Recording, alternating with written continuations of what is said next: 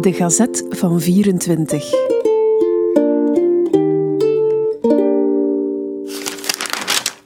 ...23 februari 1924. Te Moskou was een genaamde Litke op een tram gestapt.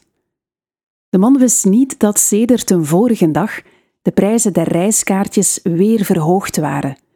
En toen de tramontvanger hem 75 miljoen roebels vroeg, stond hij zodanig verslagen dat hij uitriep: Maar dat is echte aftrogelarij.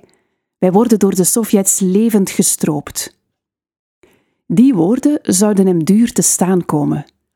Inderdaad, men leidde hem naar het politiecommissariaat, waar hij van tegenrevolutionaire drijverijen beschuldigd werd. Een huiszoeking werd te zijnend bevolen en men ontdekte in zijn woning een som van 23.000 goudroebels in buitenlandse waarde. Litke, voor de rechtbank van het district en in tweede aanleg voor de regeringsrechtbank gedaagd, wordt veroordeeld tot 13 dagen gevang en tot inbeslagneming van gans zijn fortuin.